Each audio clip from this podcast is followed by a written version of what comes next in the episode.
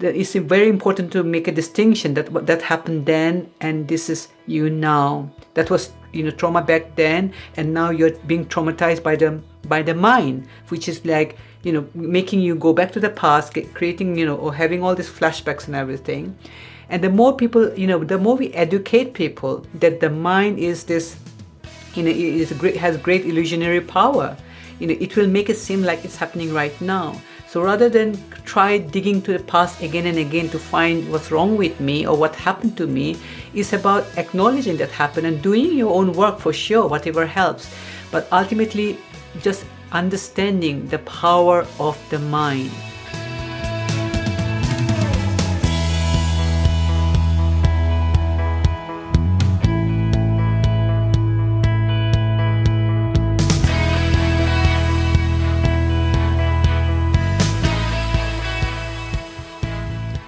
Du lyssnar på Human Change med mig, Daniel Magnusson. And I will switch to English right away because today I have Dr. Rani Bora with me, who is a psychiatrist and wellness coach. And I have actually talked to Rani like in the autumn of 2021 on uh, what's the name of the app? I, I, even forgot the name of the app where you can only talk. Um, ah, Clubhouse. Clubhouse. Yeah, Clubhouse. Yeah. the the the I don't know the app that came and disappeared. Maybe someone is using today, not me and not Rani Anyway, yeah. so and, and I listened to Rani uh, a couple of times uh, in some podcast, and I'm delighted to have you and very welcome, Rani.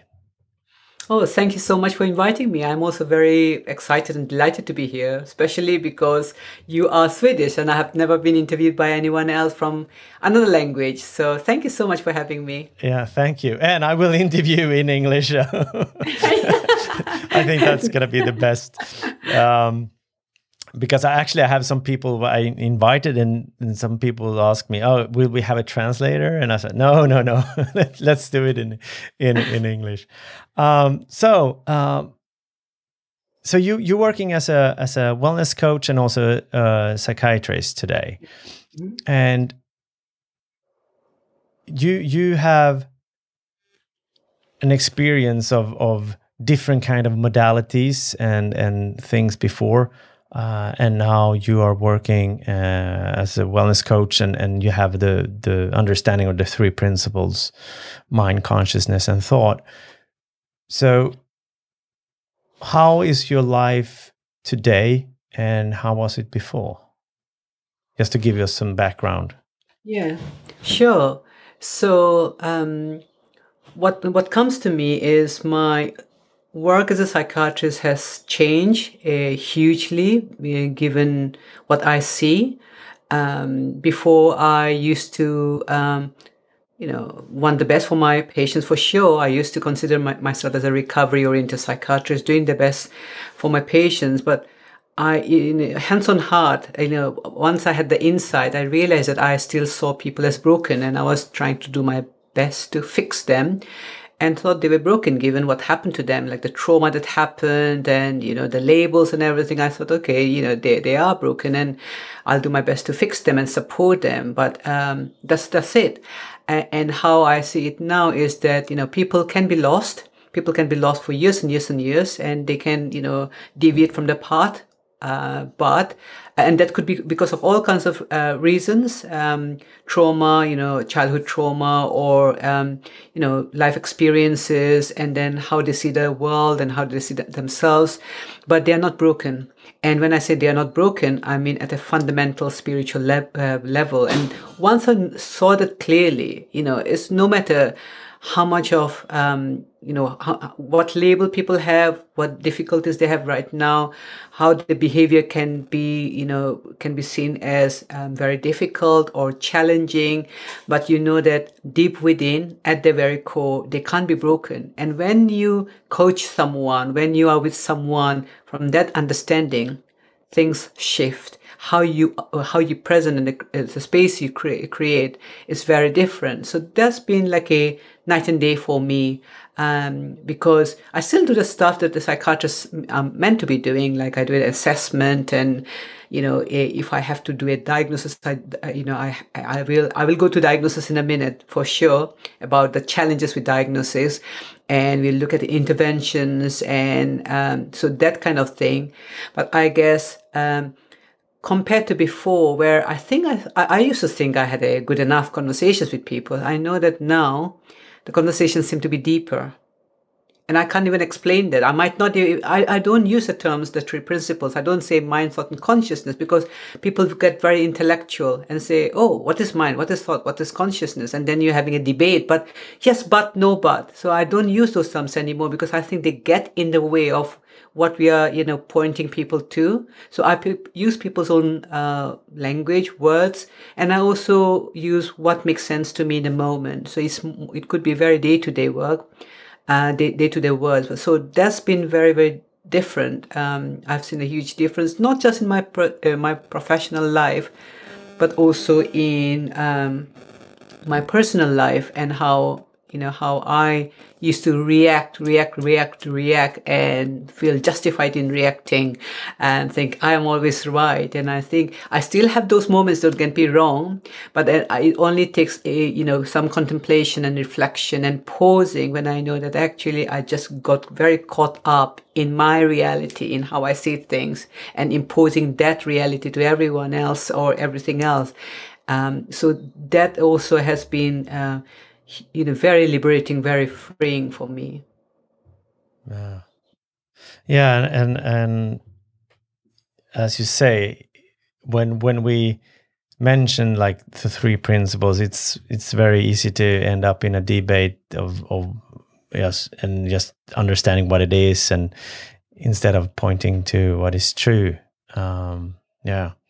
So how how was your life before you came to the understanding of of of the three principles? Now we mention that name again but how we function or how how our psychological system is working. And and um, how came how how did you come into the three principles and that understanding then? Okay that's a story in itself a, a, a rather funny one uh, may i say.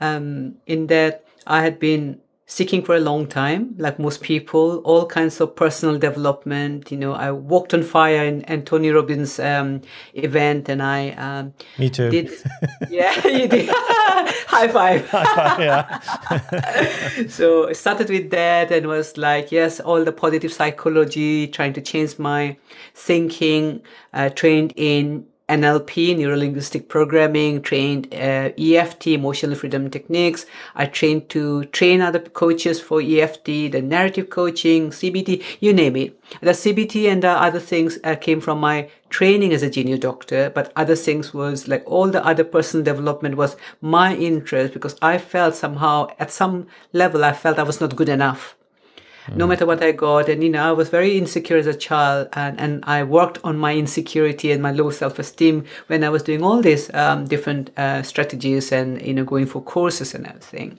So I thought I had gained something, but every time it seems like there was something else. So I'm still mm. missing something.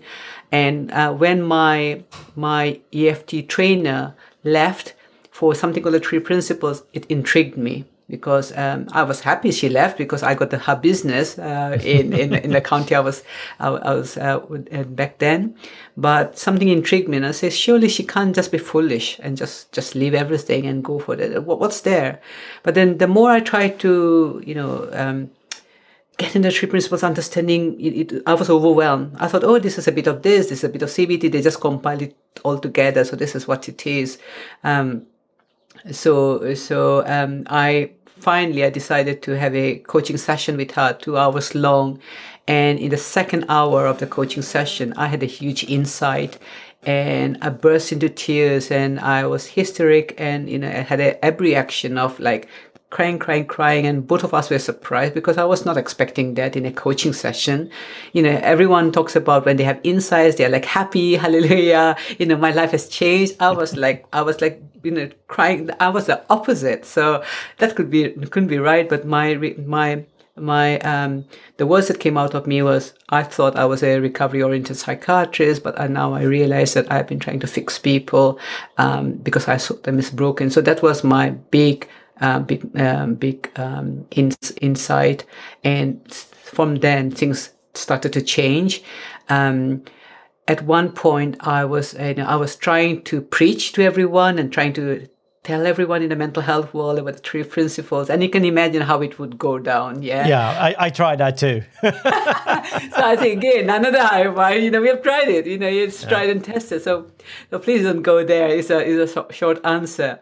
I, I guess you know there's a lot to learn from that. It's a, as to how our ego gets in the way of thinking this is a, this is amazing this is best and people need to learn about it uh, so i guess it also taught me some humility um, that that um, about you know how I go about the world and how I try to impose you know what I see with anyone anyone else.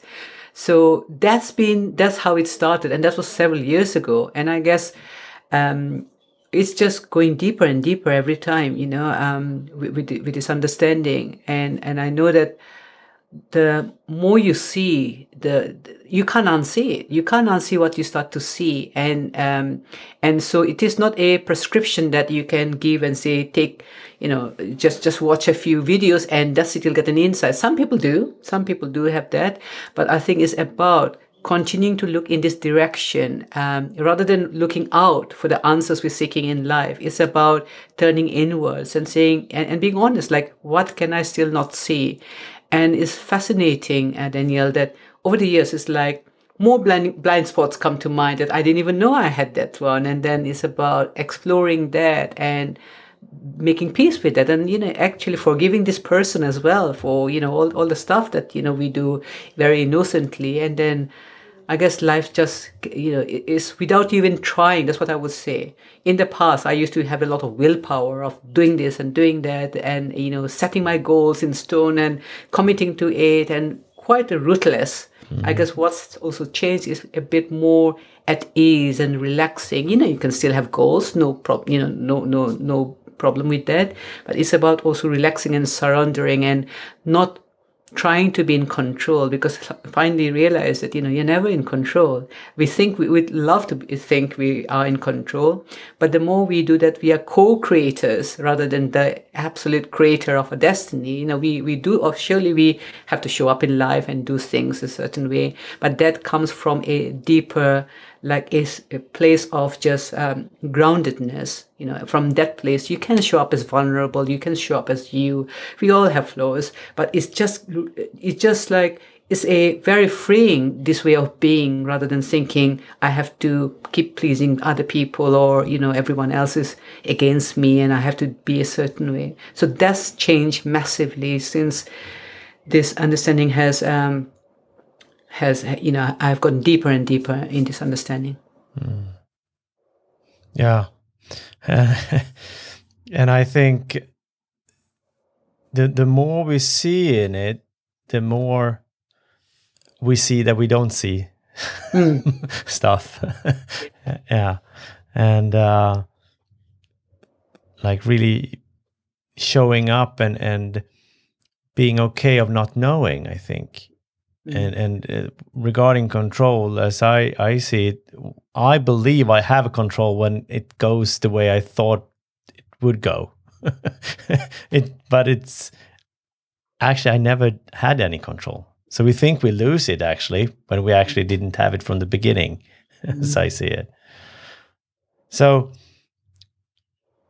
how how do you work with with your your your approach to to to your patients, right? You call them patients when you're a psychiatrist, right? Um, you see them as whole and not broken, and and how what what results do you see? Do you see any difference in in in your in your work as a psychiatrist today? Yeah, I guess uh, one thing I would say is that just um, I guess, I guess I don't try intentionally to um, impose this, like because I have learned learned, learned the hard way, and I, I guess the best thing is that when when I can just be there for the person and listen. Um, listen, not just, you know, not to fix, but listen from to truly understand and listen for, for their well-being actually as well. And I think uh, I, I do enjoy the one-to-ones with my patients, and um, I know that there's always something else there's that's going on. So what I, you know, what's happening is that it could be the same thing. People might not know I'm doing anything different, but I, I guess I'm not being doing anything different, but maybe I'm being different in that space of being a psychiatrist with someone. Now, mind you, sometimes I might not be present. Sometimes it might be I'm running from one one thing to another and you know one one session to another and again that will show up in my session as well so what i have realized is this when i when i give myself time to pause and i'm present because i know how it works I see much better conversations with my patients. And I'm secondary care, so people who come to us are quite unwell, quite unwell. Not all of them, sometimes it might be just for a medication review or just a diagnosis that say they are seeking, but uh, pretty much some people are in acute crisis. So if someone is in acute crisis, you, you know, you don't do principles, you don't do things like that. You still do what needs to do to keep them safe you know and support them and, and but ultimately you know you can you know those basic skills that basic grounding skills like the listening this holding the space not judging I, th- I think it you know it helps immensely. And people you know thank me for for the time. And they um, they also i think they come with their problems thinking this is the worst thing that can happen and there's no hope. And I, I remember having conversations where, you know, one, one person recently, you know, he said, uh, I'm getting very emotional now towards the end because we talked about a lot of inspiring stuff that came out about him that he didn't see about his you know, his story was like i'm dead but there was an untold story that he didn't even notice um, and we had some conversations i had a coaching conversation during my psychiatric consultation because i don't think you can separate and compartmentalize it. It comes out when it comes out. And, and his parting words was I, i'm feeling very emotional about this. I think this has been a very powerful session. So so there's something about me, my presence and something about where the other person is and what they're looking for. Because if someone comes to my clinic looking for a fix and they think that's the only thing that's going to help them, then they might not hear what I'm saying, you know, um, and they might still say, I need this and I, and I this, thank you very much. But there are other people who are more open because maybe they have tried everything and they're saying, you know, I'm feeling so hopeless, nothing seems to work. And, and then maybe that kind of like readiness, like there's a saying, isn't there, that when the when the student is ready, the teacher appears. And I know that there have been so many conversations like this when the people felt, you know, I was like a, a breath of fresh air, they said, because they have been to different psychiatrists and they're looking for something, but it's always that box standard, oh, this is CBT, this is medication, and, you know, you know, do, do this. Whereas I, I guess I've grown over time. I don't even think I'm doing things specifically, but all the all the like uh, the one tool that I use is a lifestyle. You know, we all have a lifestyle. I can see that sometimes when people complain about mental health, they are also having some, you know, lifestyle that's not suiting them. For example, they might have a very sleep routine is you know not good and they're sleeping only say three or four hours because they are on the phone or they are you know constantly playing uh, video xbox or watching t- news until late so those kind of things that you know i tool i do use because i see the difference myself ultimately we have to work you know we have to help this form this vehicle which is you know supporting us so i think that's the one thing that i would advise people but when people are grounded in that they are more than just the body, they're more than just the mind, they're more than just this belief system. I think then they see something and they act from that place and they see results. So that's what I would say I've noticed in my patients. Mm. And, and secondary care, what does that mean? Oh, okay. Thank you. Uh, I'm just using a jargon here. Yeah. Sorry. So in, in, in the UK, what happens is um, when someone um, needs, you know, is unwell or need to go to a, see a doctor, they go to the see the GP. So that's the primary care. Okay. That's a, the first port of call, so to speak. So only if the GP cannot handle the problems or think they need more specialists, they will refer to the secondary care, which is the mental health services. So I work in the secondary care after the GPs uh, in in the mental health setting. Mm, okay. And so I guess as a person, as long as because if if I would feel really unwell and, and mentally and desperate in some kind of way to because we all want to feel good. That's what we all strive for.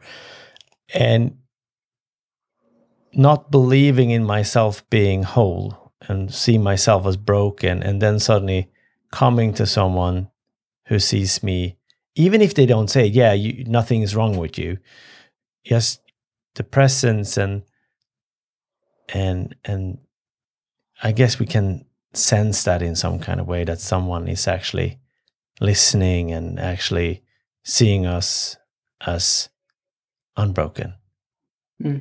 makes a huge difference mm. and in, in, you know sometimes um, you know you can't say to people that nothing's wrong with you people get angry sometimes mm-hmm. because they think what do you mean? I'm struggling. You're saying nothing's wrong with me. Yeah we so have all I, the proof. Yeah yeah yeah. I have all the proof. Absolutely. So i guess you know i i stay away from uh, things like that like oh nothing's wrong with you because yeah. people will then argue what's wrong with them yeah, and i course, think it's not the point. What i'm saying is at, at the fundamental level there's nothing wrong with you. Of course on the surface level you're human and you have been affected by human stuff okay? The trauma the and and and, and um, the relationships the finance you know the finance or um, you know a loss. So that at a human level you are experiencing suffering um, and it seems like that there's something wrong with you at a human level. But then the thing is that it's very temporary. You know, maybe you are forgetting your loss, but there's a deeper dimension to human.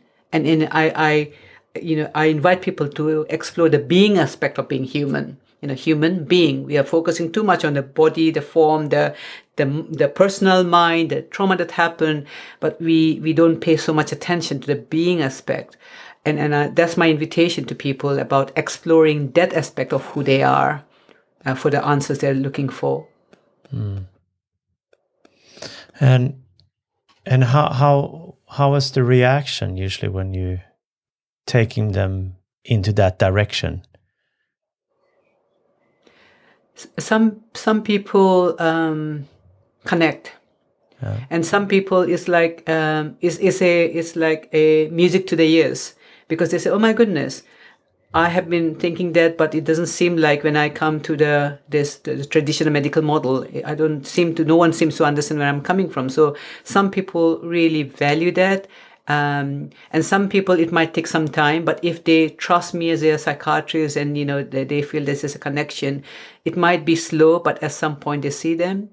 Um, so it's again depending on where people are, and I I realize that. Um, when I'm with someone, say um, one-to-one sessions, um, because it's you know it's it's a lot compared to what GPs get with their patients. They only get ten minutes. We get with new patients we get an hour. With follow-up patients we get half an hour. So we get a lot. But there's also lots of tick box stuff that I'm supposed to be asking. So, so the conversations, um, as best as you can. I mean, I extend the time for sure, and I and love to have those extended conversations with people. But when I did a uh, workshop for my patients uh, with someone else uh, as part of the recovery college, you know, there's something that um, a lot of um, um, lot, lot of places in a lot of NHS trusts in the UK have recovery colleges. Like they are about, you know, sharing, teaching people about well-being it might mostly be about you know generic well-being. This is what you need to do. But i was able to hold a um, a, you know a few uh, a few um, innate well-being courses and that's like you know it's like a six weeks course like only half and half uh, half a day but I think sometimes uh, people need to, uh, I would say, marinate in this conversation. Just half an hour here and there, or 10 minutes here and there might not be enough, but because they go back to their world, go back to their family, and then go back to everyone else who says, You're broken. So I guess there's something about having that extended sessions, uh, and keep pointing in this direction that really makes the difference because I had one person I, I remember who I shared in my um, my, my uh, clinics, but I had to talk about medication. I had to talk about different things.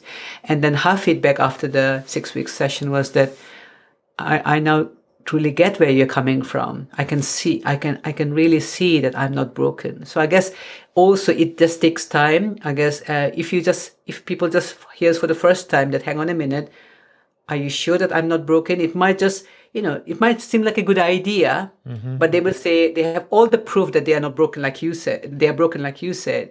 But the more they engage in this conversation and have, they have peer support, they have people who are, you know, also looking in the direction, and they are having those conversations on a regular basis. I guess it's very, it's going to be very hard for you to miss it, and you will see something at some point. So that's what happened to her because she came to that six week session and and saw something profound. And this is someone who had recurrent depression for years and she had tried lots of different medications, you know, all, all sorts of psychiatric medications. She had tried lots of um, psychological therapies, and you know, and she was thinking of getting more psychological therapies. And then this happened to her. So what I'm saying is that it doesn't have to be someone who just has stress and burnout. It could be someone who has got, you know, who has been suffering and maybe feeling lost for a long, long time. So even they can see something if they, you know, keep looking in this direction. Mm. Yeah, and and and you shared on LinkedIn also the woman who started painting. Yeah, yeah. Uh, yeah. That was a wonderful story. Also, um, is it something you want to share? Yes, very quickly. I mean, she is not a patient of mine. She's just someone I know, um, you know, and um, because I know her aunt and, and her, I know her family now. But basically, um, she used to, uh, she came across the three Principles understanding for you know uh, for a few years and then she made a lot of changes mm-hmm. but one one blind spot she could not change was her drinking for some reason she couldn't uh, have uh, change the drinking uh, and she could drink quite heavily at times just to numb her experiences. And then um, she had a big aha moment. And what happened was she was able to not just stop drinking, but what came after this, after she stopped the drinking, was that her creative expression came out through the work of art. And this is someone who had not gone to any uh, art teacher or anything. She did check a few YouTube videos and that kind of thing, but even if I check YouTube videos, I won't be do, able to do anything like her. So like her I, I guess so creative, and yeah. it's like you know, it's, it's selling like hotcakes. Her you know her art. So it's and she herself says about how just that that you know it, it was as if the alcohol was numbing her creativity and her self-expression. Mm. And once the alcohol disappeared from her life, look what unfolded. Yeah. Yeah, it's wonderful, wonderful story and, and, and beautiful art also. And and some people when they stop with one addiction, they usually start with something else, right? Mm. Uh, but and in this case, I don't say it's an addiction, but something came out. She had a creativity, as she explained, and you also, and and it's.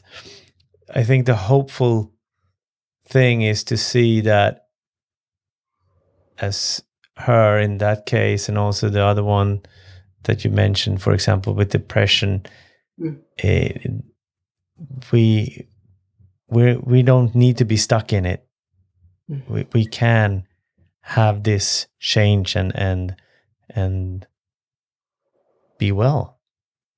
Yeah, and but it's not up to you when that change happens. That's yeah, the other yeah, thing because yeah. we might want to say right I, I am going to look into this thing called the three principles and i'm going to do all my homework so by in three months time i will be changed. You know you can't you can't do that but I, I think what i would say is that but the more curious we are and we acknowledge that yes we we can't see at some point the, pen, the penny drops. And you you made a really um, interesting statement there about when someone gives up one addiction they seem to have another addiction. And it, most of the time i have seen that with my patients. And i guess what comes to mind is that that that peace of mind being okay with who we are and what maybe someone did it with like because they really wanted to and they got a lot of support from the alcoholic anonymous or narcotic anonymous but they still felt like you know a, divide like they feel, still felt that they were broken in some sense and and that uh, you know um they, they were still not right or something like that and then they would be looking to fix their good feeling with something else, something else.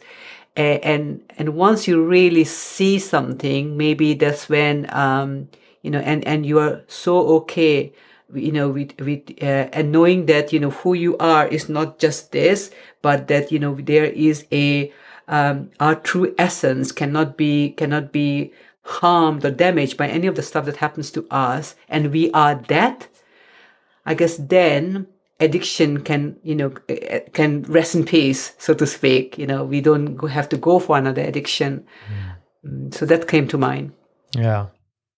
Yeah exactly. When, when we understand that and being okay with with having feelings that we're not comfortable with and, and it, so we don't feel like we need to numb them uh, or, or or try to escape them.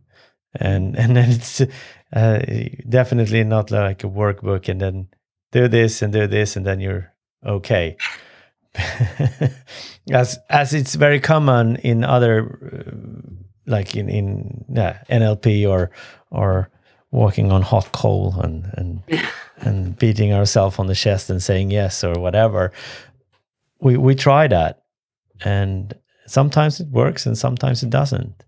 And I think just to be curious on and looking in the direction to to see that we are something more than than our body and, and our environment that we live in. Mm. Mm. And and uh, in in your work as a psychiatrist, you you you said you mentioned like you need to do certain things that is acquired and um, and you said like taking also diagnosis of, of HD, HDAD and ADD, uh, I guess, and all different kind of uh, diagnosis. So, um, how how is what what is what's your view on diagnosis? Because that can be very like a I don't know how to say it, like don't mention the diagnosis. Like almost like that. Some people like I take it fully to heart and some are like yeah that's not good or and some say it's yeah very good. And so what can you share? What's your thoughts about it? Okay i, I think that's a very great question um, that I, I i you know have been contemplating and reflecting for some time I think the challenge is when people treat their diagnosis as a as a life sentence or a, a who you know about their identity. Like this is me at my core and so i'm going to be like this for the rest of my life kind of thing. And uh, although initially people might feel that you know oh it's given me a framework of some kind to know why i'm struggling at some point that that initial buzz that comes from having a diagnosis might disappear because they suddenly realize that I've been on these medications, I've had this all this therapy, and they are supposed to be evidence based, and I'm still not any better. So now I'm doomed for life. So the initial like, oh, thank goodness I have a diagnosis, might become like, oh, you know, I'm, you know, who am I now? It is, and you know, start to feel low and so on. So so I use uh, Dr. Bill Pettit's uh, quote again and again. I never can uh, get tired of it, it, And I remind my patients that a diagnosis is not about who you are, but where you are. So I think that's a very powerful one, and people need to get that because sometimes uh, people might be wanting a diagnosis because they want to understand why they're functioning that way but they need to realize that all this diagnosis that you know we give like the icd-10 now we are coming to icd-11 and dsm-5 is not based on you know a a brain disorder that we have found the answer to or that we you know we do any blood test for those diagnoses. It's more of a like a we have a collection of symptoms and we look at that and we might do rating scales and everything and based on the answers we might say okay it seems like you fulfill this diagnosis but they can be subjective as well. So you know you someone might come to me and i say well actually i don't think you have got this diagnosis. They might go to someone else and they might say yes you have got this diagnosis. So who are you going to believe? So you might go for the, that one who you trust or who you think actually i agree with this person. I, I think i have got this problem Um, so I think sometimes uh, diagnosis for some people might be like helpful for them, and they might swear by it, and that's okay. And if they really feel content and fulfilled and think okay this is this is what i really wanted and my life is so much better because i've got this diagnosis and everything okay no that's great. But we also need to accept those people or acknowledge those people who feel exactly the opposite. They feel that diagnosis has been dumped on them and they don't agree with the diagnosis and so what do we do about that? And I think so it, it, can, so diagnosis can have a placebo effect. So people feel wonderful because they've got a diagnosis and they think that, oh, this is, I know, I knew I had this. Now I have the medication. I, I'm happy. Or it can have the nocebo effect, which is like they really you know, hate it and they get worse because they have been given this diagnosis or they're, they're despairing it.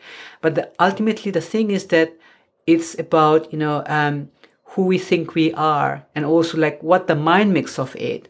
Um, so what I would say that some people might be, you know, uh, one of the most stigmatizing uh, diagnoses in mental health is a borderline personality disorder, as if something is wrong with your personality.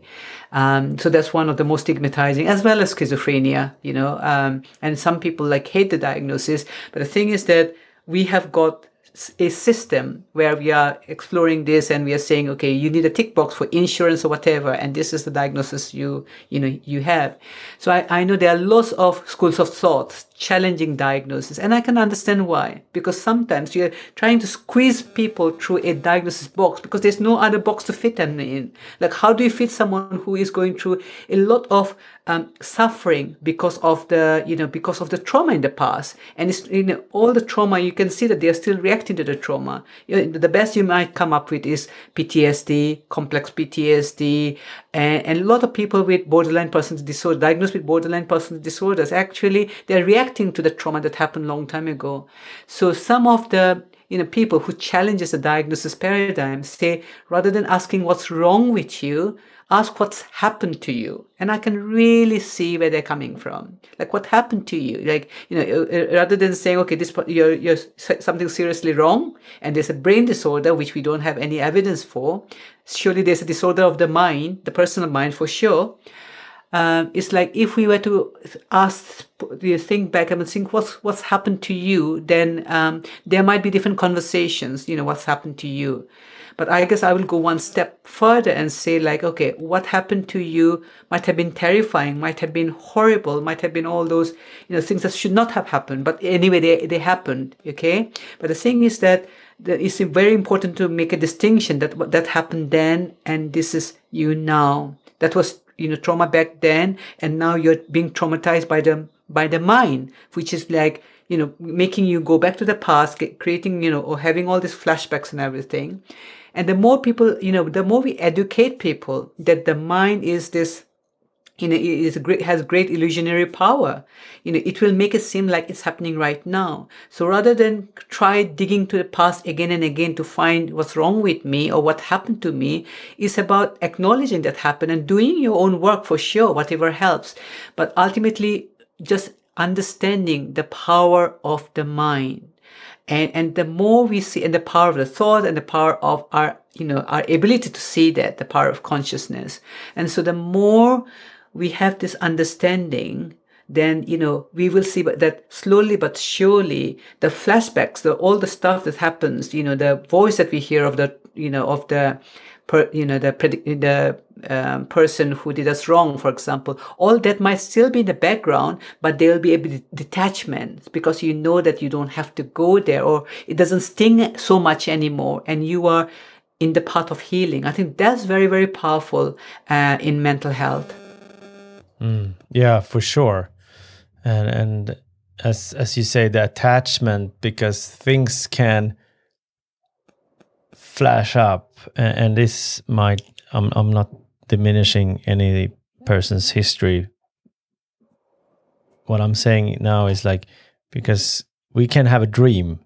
We can have a nightmare for example and we can wake up. If i still feel attached to what i dreamt i will feel that. But when i can detach it and actually see it uh, was actually a dream then the same relax uh, relaxation or, mm. or uh, calmness in some kind of way comes to me. Like, oh, it was just a dream. We we all experience both positive and negative, of course. Uh, so when when when we are seeing that the history is not happening now, we can actually like see a detachment and, and to the trauma, I guess. Yeah, um, I think uh, people. I mean, uh, anyone hearing this, they might say, "Well, it's easier said than done." Yeah, of sure. course. Yeah, of course. For yeah. sure, because we also know that there's a lovely book called uh, "The Body Heals the." You know, the body keeps the score. Meaning, like, if the trauma has happened, it's not just in your head, but it's like it's in the whole uh, you know the persona so to speak in the in the in the in the cellular memory so to speak. So and you know and people might get very you know um, just just feel like giving up because they think I have so much trauma. How can I work on the cellular level? So I guess if you were to go down a technique of some kind, then it might be step by step by step. But I guess what people would say is that with this understanding, it could be the healing could be exponential. It might not be linear, you know, compared to some therapy. You're like, okay, mm-hmm. I'm doing this work today. Next next week we'll work on another trauma. Next week we are going to uh, work another trauma. So it seems like a very linear and very like up and uh, up and down sort of um, journey that people have to take, and it could take forever because you know, you say for example, someone had uh, trauma throughout the childhood. How many sessions would you take to, you know, look at each and every trauma, for example, or difficulty? So I guess you know please do whatever makes sense to do and if something is helping you know by all means um, you know do do it but i i have seen that this can be like an exponential um, um, it, it can just like it won't follow step by step. This understanding of who we truly are that we are not broken but the mind plays tricks on us and we constantly are going back and forth kind, kind of thing. The more we see about you know we know about our own true essence and we are frightened by those experiences that come up by the you know because the mind is a great you know great illusionist. Uh, but the more we say ah that's the mind again and we make it okay to just sit with the difficulty and do what we need to do for the support. But at some point the penny is going to drop. And you know we are not so traumatized, by all all the all the challenges. So i really know that this is hopeful. So the hope is not outside actually. Initially we might just try to remember uh, remind people of this or give them support. But the real hope is seeing this for oneself that you know all the things I want, the peace and the security and the safety that I'm seeking for because I feel uh, when I was traumatized, I didn't feel safe at all. Those places are already in me, in, in me. I am that as a pure essence, the true essence. I think that can't be, can't be uh, intellectual. It has to come from seeing something from the heart. Uh, and, and, and so spending time in silence, some spending time in quiet is not something we are very accustomed to, you know. Uh, many people say they have to block those memories out, that they have to listen to music, they have to do something constantly. Mm. But I guess, you know, because they're fearful of the, the quiet. But I think it's about exploring the quiet, you know, exploring the quiet because people are worried maybe that the voice will come back or the traumatic, the traumatic stuff will come back if you just get quiet. But the answer lies in, you know, when the mind gets clear, the mind gets quiet, then we see more and more of what you and I are sharing, Daniel. So there's something I noticed that um, we don't do often about just get quiet, you know, just settle down, sit down. Um, not to manufacture quiet, but to do anything that like you know we enjoy it could be just um, for example so for some people it could be just knitting. For example for some other people it could be just some art. But allowing ourselves to get quiet allowing the mind to get quiet. And so we need to spend more time with that to really see our true essence and for the wisdom to come out then. Mm. yeah and i i think I, I i can just look for myself and and and and the quietness before it was more and sometimes today of course also like doing stuff listening to podcast listening to a book reading a book. Oh i'm going to do meditation. Well it's going to be a guided meditation and all these kind of things to instead of just being in some kind of way because I thought like, yeah, I, need to had all these ideas. I need to be productive. I need to get more information. I need to learn. I need to. I need to. I need. To. It's a lot of need too. At least it was for me. Um, and and uh, maybe it was something about being self with myself. Mm. Mm. So yeah, being quiet more often with ourselves can be good. And people might say, "Oh, how do you do that? How do you be quiet without yourself?" And and and it's interesting, isn't it? How the mind will keep asking questions, keep asking questions, and it's when the questions die down and we don't ask any questions, then we get the answer for ourselves. Mm. Yeah, I, I guess the, the how to question or, or what should I do or what can I do, those kind of questions have served us as people, as human, as a human race. Otherwise, we wouldn't be where we are today with all the technology and and how we live today. Because it's it's the intellectual mind, intellectual ego, maybe that needs to ask those questions sometimes. Sometimes I guess we, it's also doing maybe need to uh, relax and, and trust ourselves that the wisdom is there. Hmm. And, and most people might say, well, that's the problem, Daniel. I don't trust myself. Mm. I, you know, I, I can't just trust myself. I make all the wrong decisions. And the thing is that who is this I that I can't trust? Mm. You know, are we talking about the, the, the small me or are we talking about our true essence? And then we realize that, okay, the I can't trust myself is coming from that, the personal mind, that ego, like, oh, I can't do this, I can't do that. And it's again noise. And, and, and being okay with that, I think a, an analogy that comes to me is like, um, is the, we jump on all this train of thoughts and we are on a platform watching all the train of thoughts come and every time we, we don't like to watch we like to jump on trains. Mm-hmm. So these trains are, you know, we are on the platform and we, we feel so restless that we don't, you know, we don't like that, that stillness in the, on the platform. We like to jump on a train and we get, you know, go on a joyride. We go everywhere and then come back and then the next train comes. It might be train to anywhere, you know, um, about hopelessness or, you know, about happiness, whatever it is, then we, we jump around and we come back and it's like constantly going from, you know, different thoughts. And because we get about 60,000 to 80,000 thoughts a day, you can imagine how fatigued we feel at the end because we have been mm. jumping on trains and taking them seriously. But when we see that, okay, let me just spend some more time on the platform. Yeah, the you know I can always catch a train. There, there, there no you know it's not like trains are coming late or anything like that, or they won't, they, they, they're going to strike. The trains of thoughts are constantly coming. I can always choose to jump on a better train if I want to. But for this time, let me just relax a little bit and just stay in the platform and just observe.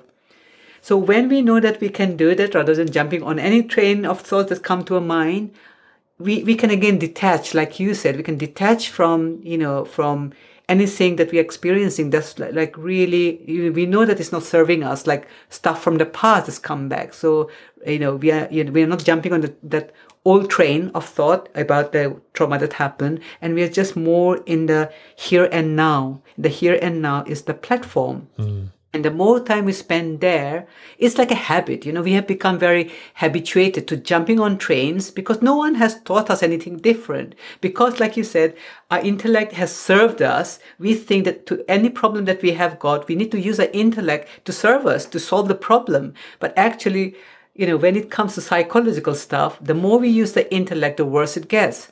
And, and so the more we spend time on the platform and being and observing, you know, we then we then have this, you know, the wisdom comes to the surface, so to speak, and we get up on a train that's going to serve us problem solve. So I think that's the distinction between jumping on every train and not sp- spending much time on the platform because we, you know, it's so lonely out there, mm. and to just spending more time on the platform and feeling the stillness around us. And, and, and observing things. And that's very freeing. That's what having a deeper understanding of the three principles can allow people. Yeah, and and and if we jump on a train that we don't want to, we we know ah this is going to the wrong destination. What would you do in real life? You would like ah jump off in some kind kind of way, like take next station you you jump off. Yeah. Yeah. So Yeah. we we're not we're not destined to to follow that thought train. Mm. Uh, so and and and uh, as I see it, the, the more we see what thought are, Mm. what thoughts are, uh, the more we see that dreams are dreams. The, the Mm. more we see that the mind works the same way during day also Mm. it's, it's getting more and more easy to to not get feeling forced to go down that with Yeah. that train i guess Yeah, yeah. And, and, and the final distinction is that, you know, people with labels, people without labels, we are all the same. yeah We are all the same with or without labels. And, and because what happens is if we focus on the labels and the symptoms and the behavior, we go, you know, we go through like, okay, let's fix them, let's change them. And then we get caught up and think, oh, like, goodness me, I'm so different to that person. Per- person can recover, not me, as if like, because my, because of my life and I'm different and so on. Makes sense, uh, because, you know, we are all unique as people but this is why we need to go to what's common for every human being. Every mm. human being have this you know similar experiences. When thought comes it appears real. We get scared you know we, we, when we are we are attached to our thinking and we believe our thinking. But you know the more we know that we have got this gift of thought and once we realize that all these trains of thoughts are made up you know, from this gift of thought. And we can manufacture a new trend, so to speak, and have new ideas come, come our way. It feels so freeing, and we realize that you know we- are no different to every human being that walks, uh, you know, walks the planet. And uh, we have also inspiring stories of people waking up. So you know, who says that we we won't wake up if we continue to immerse ourselves in this understanding? yeah and i think that that's the hopeful thing like we all are the same we we, we function the same what we see in the world sometimes makes us believe that we don't function the same Mm. but in in in the as you say the true essence is the same Yeah. yeah. And, and, and just another point, people might think, but hang on a minute. Uh, say someone has dementia, say someone has got this, whereas someone has severe learning dif- difficulty. They're very different, aren't they? Well, yes, there are limitations in the body. There are limitations with the brain for sure, but we are talking about an essence here. So that's important to remember. And from the limitation of the body, there will be you know things that we do differently for sure no one can uh, question that but the more we see that behind even behind that limited you know some limited functioning you know we still are the same. We you know the our core essence is the same. I think then we might approach helping them in very you know different ways given the limitations. So that's something i wanted to uh, share as well. Yeah, yeah, f- for sure. We we the, the physical uh, can definitely definitely definitely be different. Of course, uh, we we look different, everybody. So imagine all all all people being bald, beard man. So yeah, definitely. So that that's a good point to point that out. So Rani, if somebody would like to come in contact with you, what would be the best way to do that? Right. I think the easiest would be to um, just just look up my name, Dr. Rani Bora. But otherwise, our website is uh, Doctors DRS Rani R A N I Suraj S U R A J dot com. Doctors Rani Suraj dot com. And you know whatever you know, and it'll be very easy for us uh, you to um, find us there. But also very quickly to say that I have a free Facebook group where I share this understanding. Um, and so if anyone wanted to join my free Facebook group where it's like we provide lots of like sharing like this, then um, if you just look me up on Facebook, then you will find my free f- Facebook group. And, and, and uh, anyone who's interested in well-being uh, are welcome.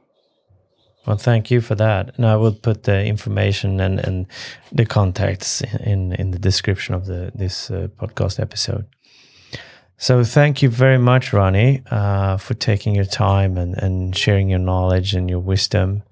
Uh, and if you would like to send something to the listeners, last thing, what would that be?